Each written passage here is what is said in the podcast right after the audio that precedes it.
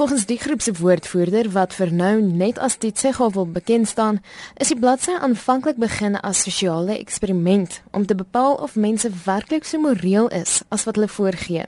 We had no idea that it was going to get this far. Within a day we had more than was it 4000 likes on Facebook. It's ridiculous. And when you go to the inboxes, we have more than 4000 messages from blessers and the blessed that want to be blessed. 'n Blesser word losweg gedefinieer as iemand wat welgesteld is en iemand soek om te bederf. Die blessee is diegene wat aansoek doen om geseën te word gebaseer op hoe hulle lyk en wat hulle aan die sogenaamde weldoener kan bied.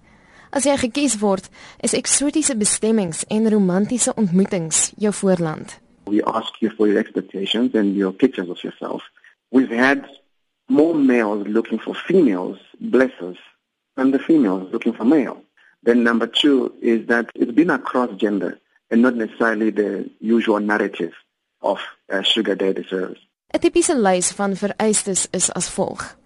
Ek is bereid om haar aanvanklik 'n toelag van R3000 voor te skiet en dit sluit haar edes en ligtheid uit.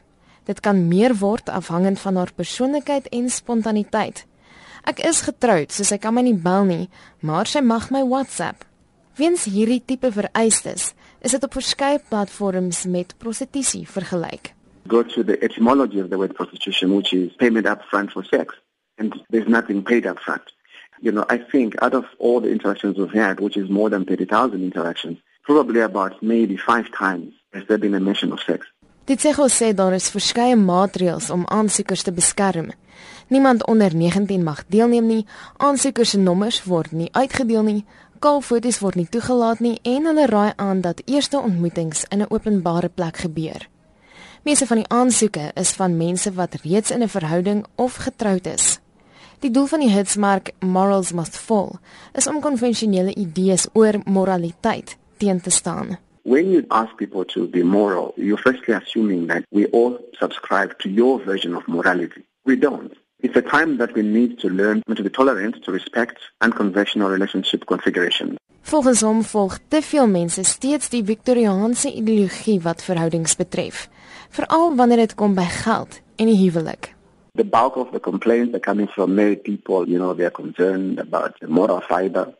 But just to remind them that if they look into history, marriage itself, the roots are in economics, not in love the economic nature of relationships is exactly what we are tapping on, nothing else. So they must forget about this love because the, the roots of marriage are in, economics, not in love.